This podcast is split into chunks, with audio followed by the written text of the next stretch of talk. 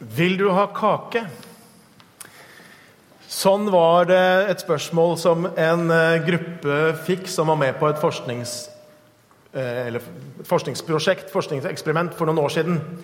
Vil du ha kake? De var kalt inn for å svare på noen spørsmål, og de ante ikke hva forsøket gikk, gikk ut på. Men før de fikk disse spørreskjemaene, så fikk de altså dette spørsmålet om de ville ha kake. Jeg vet ikke hvordan du ville ha reagert i en sånn situasjon. De fleste fall, av disse som fikk det spørsmålet, de sa nei takk, det går bra. Og De tok en gruppe etter gruppe, og alle gjorde det samme. Nei takk, det går bra. Og Så fylte de ut dette skjemaet de hadde foran seg. Og Så gjorde forskerne én endring, en liten endring. De lot gruppa sitte der. Men før de fikk spørsmål om en kake, så sendte forskerne inn en helt vilkårlig person inn i rommet som bare gikk fram til kakeboksen, tok av lokket, tok en kake og gikk ut igjen. Og Så fikk deltakerne spørsmålet vil du ha en kake. Nå sa nesten alle ja. Hva var det dette eksperimentet viste? Jo, det som sikkert mange av oss vet litt sånn intuitivt, det at folk har lyst til å gjøre det de andre gjør. Man har ikke lyst til å skille seg ut, man har ikke lyst til å være den eneste som tar en kake. så da sier man heller nei takk. Men når noen tar en kake, ja, da sier nesten alle ja. Sånn fant forskerne ut at vi påvirkes av de menneskene omkring oss. Vi har lyst til å være som de andre. Så kan vi godt si sånn som i dag Jeg vil ha min helt egen unike stil. Eller jeg vil gå min egen vei. Men realiteten er jo at de fleste av oss vi gjør litt sånn som alle de andre. Om det er klesstil eller om det er interiør, så kan vi godt si at vi liksom har funnet vår stil, men det ligner jo veldig på naboens. Og Sånn er vi, og sånn tror jeg mennesker egentlig alltid har vært. Vi har lyst til å gjøre sånn som alle andre, til alle tider, og det er noe av det vi skal se på i dag, også i den teksten vi skal dele. For vi skal temaet her, som alle andre, og vi skal se på en tekst fra første Samuels bok. Og Som Malvin sa, så har vi disse to månedene, første månedene dette året så har vi en serie fra første Samuels bok som vi har kalt Vendepunkt. Og Vi plukker åtte forskjellige tekster fra denne spennende boka. Og så følger vi Israels historie i en spesiell eh, del av sin historie. Eh, og bare For å ta en liten sånn tilbakeblikk, en liten recap på Israels historie, så du har en liten sammenheng. Hvor er vi hen nå? Så er det sånn at eh, I Det gamle testamentet så følger vi Israel fra, fra deres spede begynnelse. Fra Abraham får sønnen Isak, og Isak får Esau og Jakob. Jakob får tolv sønner, og disse tolv sønnene de blir stamfader til Israels tolv stammer. Cirka, da er vi på ca. 1800 år før Kristus. Ca. 1700 før Kristus så er det at eh, Israel, Jakob sine eh, sønner og familier reiser til Egypt. De flykter fra hungersnøden i Kanan, og så ender de opp i Egypt. Og Der er israelsfolket i ca. 400 år. Eh, og De får det dårligere, dårligere, dårligere, og de ender opp som regelrett slavefolk i Egypt på denne tiden. De roper sin nød til Herren Gud. Herren Gud sender Moses, og Moses fører de ut av Egypt og inn mot det lovede landet. Og Så får vi ca. 1250 så begynner det som kalles dommertiden. Ca. 200 år en turbulent fase i Israels historie. Israel er på denne tiden en, en løs føderasjon av tolv stammer. Det er dommere som skal dømme om rett og galt. Eh, de har mye konflikter. De står av og til sammen mot en felles fiende, f.eks. filisterne, eller kanskje særlig filisterne. Men de kriger også gjerne mot hverandre. Og det er litt sånn at Når man leser dommerboken, så er liksom, jeg tenker, er det mulig å ha så mye konflikter og så mye kriger og Ja. Det er kanskje det man får når man ikke har TV og Internett, tenkte jeg når jeg leste. Da blir vi opptatt med andre ting, kanskje. I hvert fall, Den var i 200 år. Og så kom vi til første Samuels bok. Og da har vi Det er det vi leser om nå. Da får vi Samuel som den siste dommeren og som overgang til kongetiden, som vi har med Saul, med, med David og med Salamo. Og så er det her et eller annet sted vi er nå, i overgangen mellom dommertiden og kongetiden. Så i dag så skal vi lese en tekst, i, og vi har kommet til 1. Samuels bok, kapittel 8. Eh, og det er en tekst eh, som nettopp viser denne overgangen fra én tid til neste tid. Vi skal lese teksten eh, eh, fra 1. Samuels bok, kapittel 8, vers 4-8. Da samlet alle de eldste Israel seg og kom til Samuel i Rama. De sa til ham, 'Nå er du gammel, og sønnene dine følger ikke i dine fotspor.' 'Sett derfor en konge til å styre oss, slik alle de andre folkene har.' Men Samuel så med uvilje på dette, at de sa, 'Gi oss en konge som kan styre oss.' Og han ba til Herren. Men Herren sa til ham, 'Hør på folket og alt de sier til deg.' For det er ikke deg de har forkasta, det er meg de har forkasta og ikke vil ha til konge over seg. Det har de gjort fra den dagen jeg førte de opp fra Egypt, og til denne dagen. De har forlatt meg og dyrket andre guder. Og slik gjør de det nå mot deg. Slik lyder Herrens ord. Skal vi be. Himmelske Far, jeg takker deg for ditt ord som vi har iblant oss. Og så ber jeg at denne historien her, denne delen av Israels historie, ditt åpenbaringsfolk, at det også må tale inn til oss i dag, i 2016. Jeg ber ved din ånd at du skal bruke disse ordene, og så skal du gi oss inn i vårt hjerte det du har for oss, Jesus, for denne dag og for denne tid. I ditt navn jeg ber. I denne teksten så leser vi om et møte mellom dommeren Samuel og de eldste lederne i Israel. Og Det som er agenda for møtet, det de ønsker å oppnå, er at de vil ha en konge. Israel vil ha en konge som kan samle dem. Sett derfor en konge over oss, er det de ber han om. En konge som kunne styrke de militært, som kunne samle de, som de på en måte kunne slutte seg omkring, og som kunne gå foran de. Men det var et problem. Og Problemet var dette at Israel hadde allerede egentlig og dypest sett en konge. Israel var Guds folk. Det var det folket som Gud ville åpenbare seg gjennom. Det var han som hadde ført dem ut av Egypt, som hadde ledet dem med en skysøyle om dagen og en lyssøyle om natten. Sånn hadde han ledet dem ut av Egypt. Han var deres seiersmerke, og det var ved han at de vant den ene krigen etter den andre. Og jeg tenker, Det må jo ha vært fantastisk å ha Gud som konge. Når vi leser Det gamle testamentet, alle de gangene hvor Gud på et under frelser de og redder de ut av vanskelige situasjoner. Men for Israel så holdt ikke det. Det var ikke nok å ha en gud liksom høyt der oppe som de ikke kunne se. De ville ha noe som var synlig, noe som var håndgripelig, noe håndfast som de kunne søke trygghet i.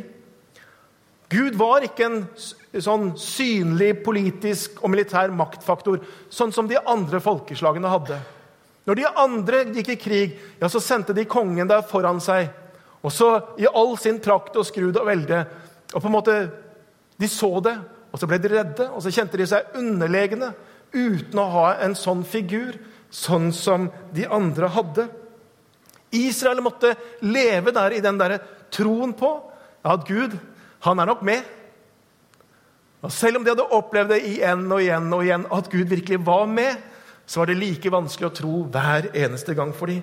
Det holdt ikke. De ville ha en konge. Og Problemet med israelittene som ber her om en konge, er at dypest sett så forkaster de Gud.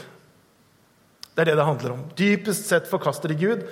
Og Gud sier til Samuel for det er ikke deg de har forkasta, men det er meg de har forkasta og ikke vil ha til konge over seg. De ville organisere seg på en sånn måte at de slapp dette avhengigheten til Gud. Det, på en måte, det ble ikke håndgripelig nok. De ville ha det mer i struktur og system, så de slapp å stole på Gud på denne måten, som sikkert også var krevende. Israel ville ikke ha en konge for sin nasjon og i sitt liv som var Gud. Og det er nesten, Når vi leser teksten vi kommer litt tilbake til det, for hva det faktisk kosta, det nesten som de sier hva som helst, bare ikke Gud. Hva som helst, bare ikke Gud. Og jeg tenker det er noe i oss mennesker som stritter mot dette å skulle ha Gud som konge i våre liv. Er det ikke det? Det er mye vi kan ha som konge i våre liv, men det er et eller annet som stritter imot når det skal være Gud. Full overgivelse til Herren og ha Gud som nummer én i mitt liv. La Han være kongen for meg. Det er noe som stritter imot. Og Mange kan nok være med på at det er mye bra i Guds ord. Det er gode leveregler og det er god moral og osv. Men å skulle ha Guds ord som rettesnor for liv og lære, sånn som faktisk vi sier i denne menigheten her, så er det mange som kjenner at det, det kan jeg ikke være med på. Jeg må bestemme sjøl hvor jeg skal la styre meg. Jeg kan ikke la Guds ord styre det. Å bøye kne for Herren og ydmyke seg. Akseptere at jeg er skapning, og han er skaper. Mange kjenner at det der det blir for krevende. Det kan være greit å synge sanger om Gud, men å skulle synge en kjærlighetssang til Jesus er vanskelig, synes noen, og kanskje mange. Lovsang blir litt sånn ah, Jeg klarer ikke å hengi meg. Jeg hadde det sånn i en periode i mitt liv hvor jeg syntes noe av dette var veldig vanskelig. Å ha Gud som herre rent sånn intellektuelt og til og med etisk, det var ikke så vanskelig. Men det å skulle på en måte hengi meg, la han få på en måte berøre følelsene mine, det kjente jeg det var vanskelig. Det var ikke noe vanskelig å si 'jeg tror på Jesus Kristus'. Men å synge navnet Jesus må jeg elske og mene det, det var vanskelig. Det var ikke noe vanskelig å synge om Gud, men det å skulle stå Og da sto vi gjerne og synge en lovsang til Gud og slippe seg løs. Så kjente jeg jeg har mest lyst til å gå. Hva er det der? Vi stritter imot å ha Gud som konge i våre liv. Mange av oss mennesker gjør det. Israel gjorde det, og vi kan kjenne oss igjen i noe av det. Og Samtidig så er det denne dobbeltheten. For Israel ønska å ha en konge, og det ønsker vi òg. Vi ønsker også dypt inni oss et eller annet sted å ha noen over oss, en konge. Noe som skal ha førsteplassen i våre liv. Og noen sier vi er skapt sånn til nettopp det. Vet ikke om dere husker Bob Dylan, hva han sa, eller synger i en av sine sanger? You're gonna have to serve somebody. It might be the devil, or it might be the Lord. But you're gonna have to serve somebody. Det er noe i det. Vi legger oss alltid under noe. Det er noe vi må tjene. Og C.S. Lewis han skriver noe om dette i en artikkel eh, om likestilling. Eh, og så sier han i denne artikkelen følgende Jeg er absolutt for demokrati. Absolutt. Fordi vi er alle syndere. Og så fortsetter han litt lenger ned. Men den ideelle virkeligheten er ikke demokrati, for du blei skapt til å tjene. Og hvis du ikke anerkjenner Jesus som konge, så vil du tjene noen andre. Du vil bøye kne for noen andre. Poenget er hvis ikke det er Jesus, ja, så vil det være noe annet som har den plassen i ditt liv.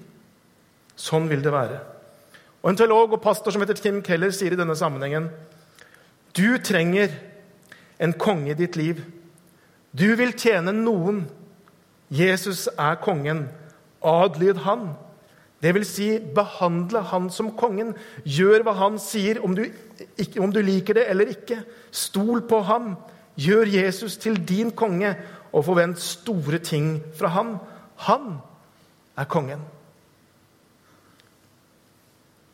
Og Spørsmålet som du kan tenke litt over når du sitter her, det er hva eller hvem er kongen i ditt liv i dag? Og så håper jeg at det er Jesus. Jeg håper at det er Gud. Israel ønsket en menneskelig konge. Og de tar et veivalg som innebærer dypest sett å forkaste Gud. Men Samuel han argumenterer også nærmest økonomisk med at dette er et veldig dårlig valg. Da er vi litt lenger ute i 1. Samuels bok, kapittel 8, i vers 11. Og Vi skal bare lese noen utdrag derfra. Han sier der Kongen vil ta sønnene deres og sette dem til å gjøre tjeneste ved kongens vogner og hester. Døtrene deres vil han sette til å lage salver og til å, bake, til å koke og bake. De beste jordene, vinåkrene og olivenlundene deres vil han ta. Av åkrene, vinmarkene deres, vil han ta tiende. Slavene og slavekvinnene, eslene og de beste oksene deres vil han ta. Av småfe deres vil han ta tiende, og selv må dere gjøre slavearbeid for han. Og Samuel holder fram hva det faktisk vil koste å ha en konge over deg. Og Det ironiske er jo at kongen vil ta nøyaktig det de ønsker at en konge skal beskytte. Familie, eiendom osv. Det er det kongen vil ta. Og så er det ironiske det at det er Gud er den som gir. For det er han som gir barn. Barn er en gave fra Herren, står det. Det er han som velsigner avlingen. Det er han som sørger for vekst. Gud er den som gir og som gir og som gir. Og denne menneskelige kongen, hva det står om han? Jo, han tar og tar og tar og tar. Det er prisen å betale. Å ha Gud som konge i sitt liv, det har sin pris. Det visste Israel. De visste at har vi Gud som konge, ja, da kan vi ikke samtidig dyrke avgudene Bal og Astarte, som var det liksom virkelig hippe og kule i den tiden. Det var det alle andre dyrka. Det var det de hadde lyst til å dyrke. Og stadig så gjorde de det. Men de visste at det tåler ikke Gud. Gud vil at vi skal ha én Gud, han. De visste at Gud hadde en høy standard i forhold til etisk oppførsel og hvordan man levde. De visste at det var en pris å betale ved å ha Gud som konge. Men så forkaster de allikevel Gud i denne situasjonen her. Hvordan er det med oss? Jo, jeg tenker det å være en kristen, det å følge Jesus, det er også en pris å betale. Og Jesus snakker mye om det. Det er en pris å betale. Det handler på mange måter å oppgi min sjølråderett og akseptere at han er kongen. Jeg erkjenner at Gud vet faktisk bedre enn meg, og at jeg ønsker å leve i lydighet til Gud, til Hans ord. Det er en pris å betale. Og skal vi leve i lydighet mot denne boken her, ja, så er det sånn at titt og ofte så blir vi motkulturelle i vårt samfunn, og vi blir upopulære, og det er mennesker som vil latterliggjøre oss eller håne oss, eller hva det nå er. Det er en pris å betale ved å følge Jesus. Vi vil leve og tenke annerledes, og det vil være noen forskjeller. Og noen av de forskjellene er ikke så synlige og tydelige, men noen av de er det. Men det Israel ikke så, det var jo faktisk hva de hadde i Gud, hva de hadde i kongen. Det så de ikke. Og jeg tenker Det er viktig at vi ser hva vi har i Kristus Jesus. Tenk bare på følgende. Han elsker oss med en evig kjærlighet, han ga sitt liv for oss. Det er det vi har. Han gir oss håp om en evighet sammen med Gud. Han tilgir alle våre synder, uansett hvor store vi måtte kjenne at de er. Han inviterer oss til å komme og finne hvile, vi som bærer tunge byrder. Han fyller oss med sin ånd. Han setter oss i frihet. Han har gitt løfte om å være med alle dager inntil verdens ende. Han har lovet å sørge for oss både åndelige og timelige behov. Det er hva Gud har lovet i sitt ord. Det er noe av det han vil gi. Og så tenker jeg, Uansett hva vi velger å ha som konge i vårt liv, så har det en pris. Og spørsmålet er bare på en måte hvilken pris er det? Velger vi å ha noe annet enn Jesus i vårt liv, vi, som konge i vårt liv, ja, så må vi også betale.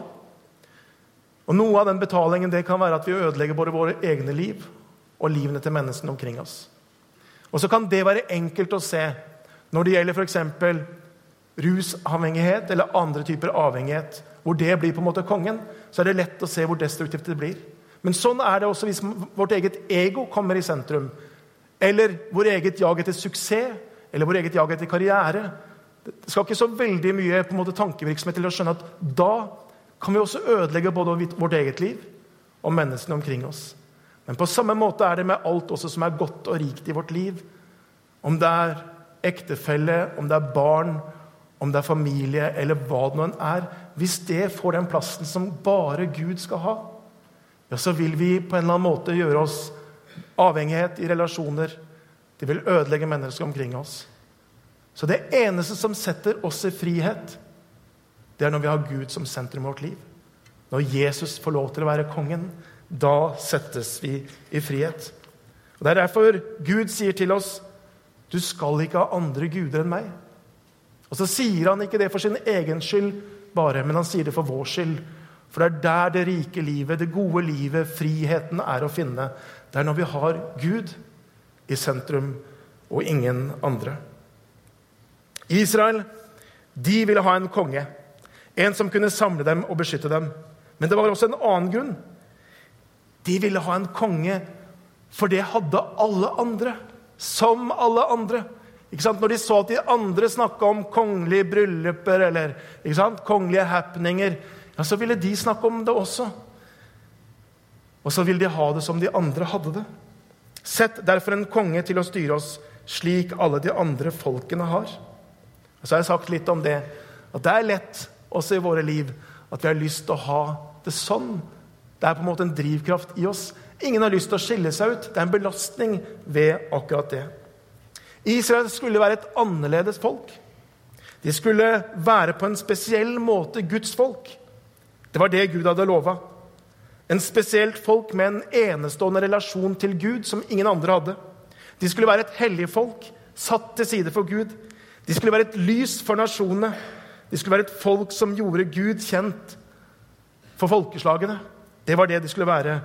Isteden Istedenfor å være et folk som levde i tråd med Guds ord, så ville de være et folk som levde akkurat som alle de andre. Istedenfor å være annerledes og hellig ville de, som alle de andre, gjøre det de gjorde.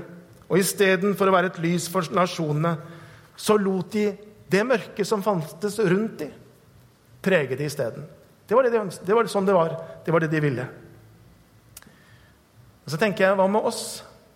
Guds menighet 2016, hva med oss? Jo, Bibelen er veldig tydelig på at også vi er kalt til å være et annerledes folk. Vi er kalt til å være et annerledes folk. Jesu disippel Peter sier det slik i sitt første brev, kapittel 2, vers 9.: Men dere er en utvalgt slekt, et kongelig presteskap, et hellig folk, et folk som Gud har vunnet, for at dere skal forkynne Hans storverk. Han som kalte dere fra mørket og inn i sitt underfulle lys. Det er hva vi er kalt til. Til å være et hellig folk. Til å være en utvalgt slekt. Et hellig presteskap. Kongelig presteskap. Og så er vi det for at vi skal forkynne Hans storverk, for at vi skal utbre evangeliet. Og så skal vi få lov til å leve i dette lyset som Han har brakt oss inn. Vi skal være et annerledes folk. Og Den første kristne menighet den skilte seg radikalt ut fra samfunnet for øvrig. Når de inviterte til fellesskap, så var det et fellesskap på tvers av kjønn, på tvers av raser, på tvers av stand og alt som skilte. Og så sa de her er det ikke jøde eller greker, mann eller kvinne. Her er vi ett i Kristus. Det var ingen andre fellesskap som sa det i et segregert samfunn som det var på den tiden. Det var ingen andre som sa det, men den kristne menighet sa det. Der delte de av godene. Var det en som hadde mye, så delte han til de som hadde fattige. Sånn var det den første menigheten. Og Det er noen som har sagt det sånn at forskjellen mellom samfunnet omkring og den første kristne menighet kan defineres slik at i samfunnet omkring så delte mennesker ingenting bortsett fra sine koner. De lot de gå på rundgang. Men i den første kristne menighet så delte man alt utenom sine koner. Der holdt man seg til sin egen ektefelle. Det var noe av forskjellen, sånn som noen har sagt det og satt det på spissen. Så spørsmålet er allikevel hvordan skal vi være et annerledes folk, da? Vi som er kristne. Skal vi være rare, merkelige? Hvordan skal vi være? Og så har du kanskje noen bilder i hodet ditt av hvordan du ikke ønsker at det skal være. i hvert fall. Hvordan være et annerledes folk? Og så er det kanskje en helt ny preken, men jeg skal gi bare noen få stikkord mot slutten av denne talen her. Men noe av det som kommer til meg veldig fort, det er hvordan Paulus definerer det i Galaterbrevet kapittel 5. Når han snakker om åndens frukter. Og Han setter opp på en måte kjødets gjerninger mot åndens frukter og viser hvordan vi skal være annerledes. Og Han sier der i eh, vers 22 til 24.: Men åndens frukt er kjærlighet, glede, fred, ovenbærenhet, vennlighet, godhet, trofasthet, ydmykhet og selvbeherskelse. Slike ting rammes ikke av loven. De som hører Kristus til, har korsfestet kjøttet med dets lidenskaper og begjær, sier Paulus. Det er noe av beskrivelsen på den annerledesheten som Paulus sier, som er unik i den kristne menighet. Der mennesker har blitt forma ved Ånden. Og så er det interessant, fordi det står ikke åndens frukter i flertall, men det står åndens frukt. Så det er ikke på en måte sånn tenkt at én uh, har kjærlighet og en annen har selvbeherskelse. Nei, det er når alle disse kvalitetene finnes samtidig. Når det både er selvbeherskelse og kjærlighet. For du kan ha mennesker som har veldig sterk selvbeherskelse, men det er ikke sikkert de har så veldig tålmodighet med andre. Når du både har ydmykhet og du har på en måte fasthet når du har disse kvalitetene samtidig, så er det noen teologer som sier det er det bare Ånden som kan skape i oss. Når det både er nåde og sannhet samtidig. Det må Ånden skape. Derfor er det Åndens frukt i entall vi leser om her. Så det er noe av den annerledesheten. Noen andre eksempler så tenker jeg at Guds folk har kanskje en annen rytme. Det handler noe om å starte dagen i Guds ord. Å starte dagen med en bønn til Herren. Om på søndagene klokka 11 å gå på gudstjeneste sånn som dere gjør nå. Veldig mange vil jo tenke er det mulig å ødelegge hele dagen på den måten. Liksom, stå opp så tidlig på det er liksom en av de få dagene vi kan sove lenge. sant? Og skjønner det bare ikke. Men det er et vitnesbyrd at vi er samla her nå. At, er, at, vi har på en måte noen andre ting som driver oss. Det er noen andre kvaliteter. Det finnes noen andre verdier som gjør at dette her, som vi er samla om her, det er viktig. Fordi Gud han er konge i mitt liv. Derfor så ser livet mitt litt annerledes ut også når det gjelder rytme. Eller kanskje er det prioriteringer. Nå hørte vi akkurat Malvin si noe om avtalegiro og givertjeneste. Og for folk som ikke har Jesus som herre i sitt liv, å få det til å forstå det at man frivillig gir 10% av sin inntekt til en kirke, det skjønner de bare ikke. Hva får du ut av det, da? Ja, men Det er liksom feil spørsmål. For dette er viktig for oss. Ehm, en eh, pappa til en av eh, klassekameratene til mine barn når jeg var i Arendal, så spurte han meg Eh, da hadde vi akkurat bygd ny kirke, ny misjonskirke der. og Så spurte han meg, hvordan fikk dere finansiert den kirken. da? Og Så sa jeg, som sant var, nei, det er jo medlemmene som finansierer den. Så noen ga 50 000, noen ga 100 000 i kontantbeløp. I tillegg så gir vi 10% mange av inntekten til kirken. Og Så bare så han på meg og skjønte at han syntes jeg var gal. Så bare sa han det kunne jeg aldri gjort. Han. helt umulig. Kunne jeg aldri gjort. Han var økonom. Men eh, sånn er det. Det er noen ting som er annerledes med Guds folk, også i dag. Israels historie er full av eksempler på hvordan Israel ikke greide å være trofast mot Gud. Hvor de igjen og igjen og igjen falt fra Gud. De begynte å dyrke bala og starte, for det så så forlokkende ut. De, de behandla ikke mennesker omkring seg som de burde. De glemte Gud, osv. Så sånn var Israels historie igjen og igjen. Og så tenker jeg Det kan være oppturer og nedturer i våre liv også. Men det vi skal huske på, er at vi har noe som israelsfolket bare kunne drømme om. Og hva er det? Det er at Jesus han har kommet og så har han vist oss hvem Gud er. Der israelsfolket famla litt, litt i blinde, litt i tåka om hvem Gud er, så har Jesus kommet og så har han vist oss Faderen. Klart og tydelig. Jesus kom, og så ga han sitt liv, sånn at vi slipper å forsøke å på en måte bli gode nok. Fordi Jesus har betalt alt for oss. Og så er vi rettferdiggjort innenfor Gud. Så vi kan komme med en helt annen frimodighet. Ikke i oss sjøl, men i Jesus Kristus. Det er helt annerledes.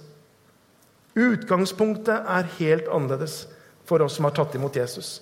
Og så er det sånn at Når vi tar imot Jesus, så skjer det noe med oss. Det skjer noe med oss. En ny fødsel, sier Jesus i Johannes 3. Paulus snakker om at vi er en ny skapning.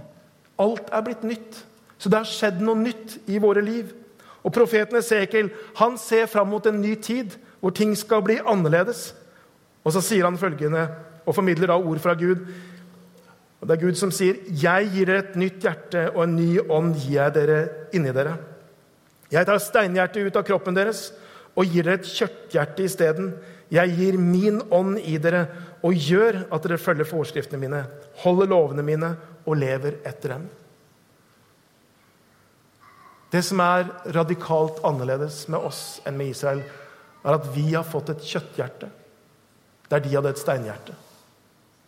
Et kjøtthjerte som er mykt og som er formbart, og som innenfra ønsker å leve for Gud og Han som konge i vårt liv.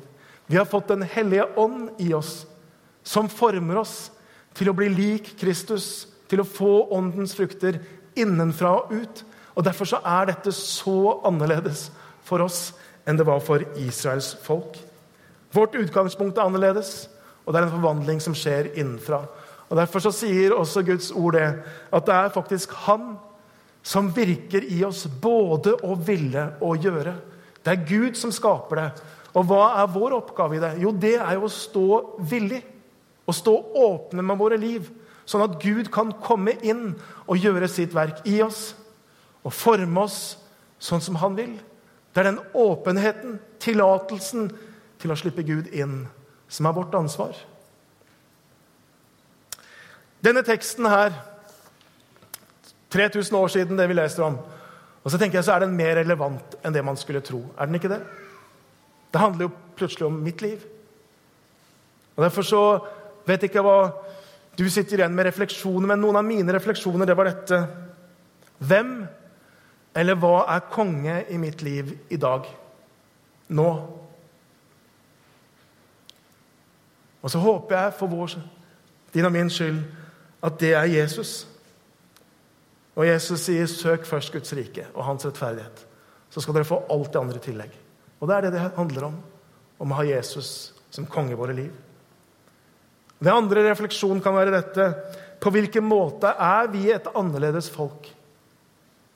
Hvordan ser det annerledeslivet ut? Valg, prioriteringer, holdninger, meninger. Det er lett å bli dønn lik samfunnet vi lever i. Men Gud utfordrer oss til å være et annerledes folk. Et hellig presteskap. En utvalgt slekt. Og så har vi fått det som israelittene bare kunne lengte etter. Et kjøtthjerte istedenfor steinhjerte. Guds ånd inni oss. Og så er jo spørsmålet hvordan er det med det kjøtthjertet? Er det fortsatt varmt og formbart? Eller skjer det en forsteinelse over tid som gjør at man tenker ja, kanskje ikke helt sånn nå? Så hvordan står det til med det? Trenger du på ny å gjøre Jesus til konge i ditt liv? Trenger du å be Gud om å gjøre noe med ditt hjerte? Sånn at du ønsker og lengter etter å leve etter Hans ord og Hans bud?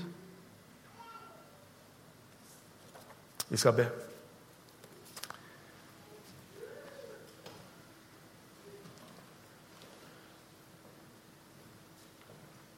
Kjære Jesus Kristus, jeg takker deg for din godhet og for din nåde, Herre. Jeg takker deg for ditt ord til oss i formiddag, som eh, har utfordra meg. Og kanskje er det flere enn meg som kjenner seg utfordra på det. Jeg ber at du må granske oss, Herre, og Vise oss vårt hjerte. Kanskje er det noen av oss som kjenner at vi trenger å få en berøring av deg i formiddag. At du kan gjøre noe med vårt hjerte. Jeg ber at du skal bare tale inn til den enkelte av oss.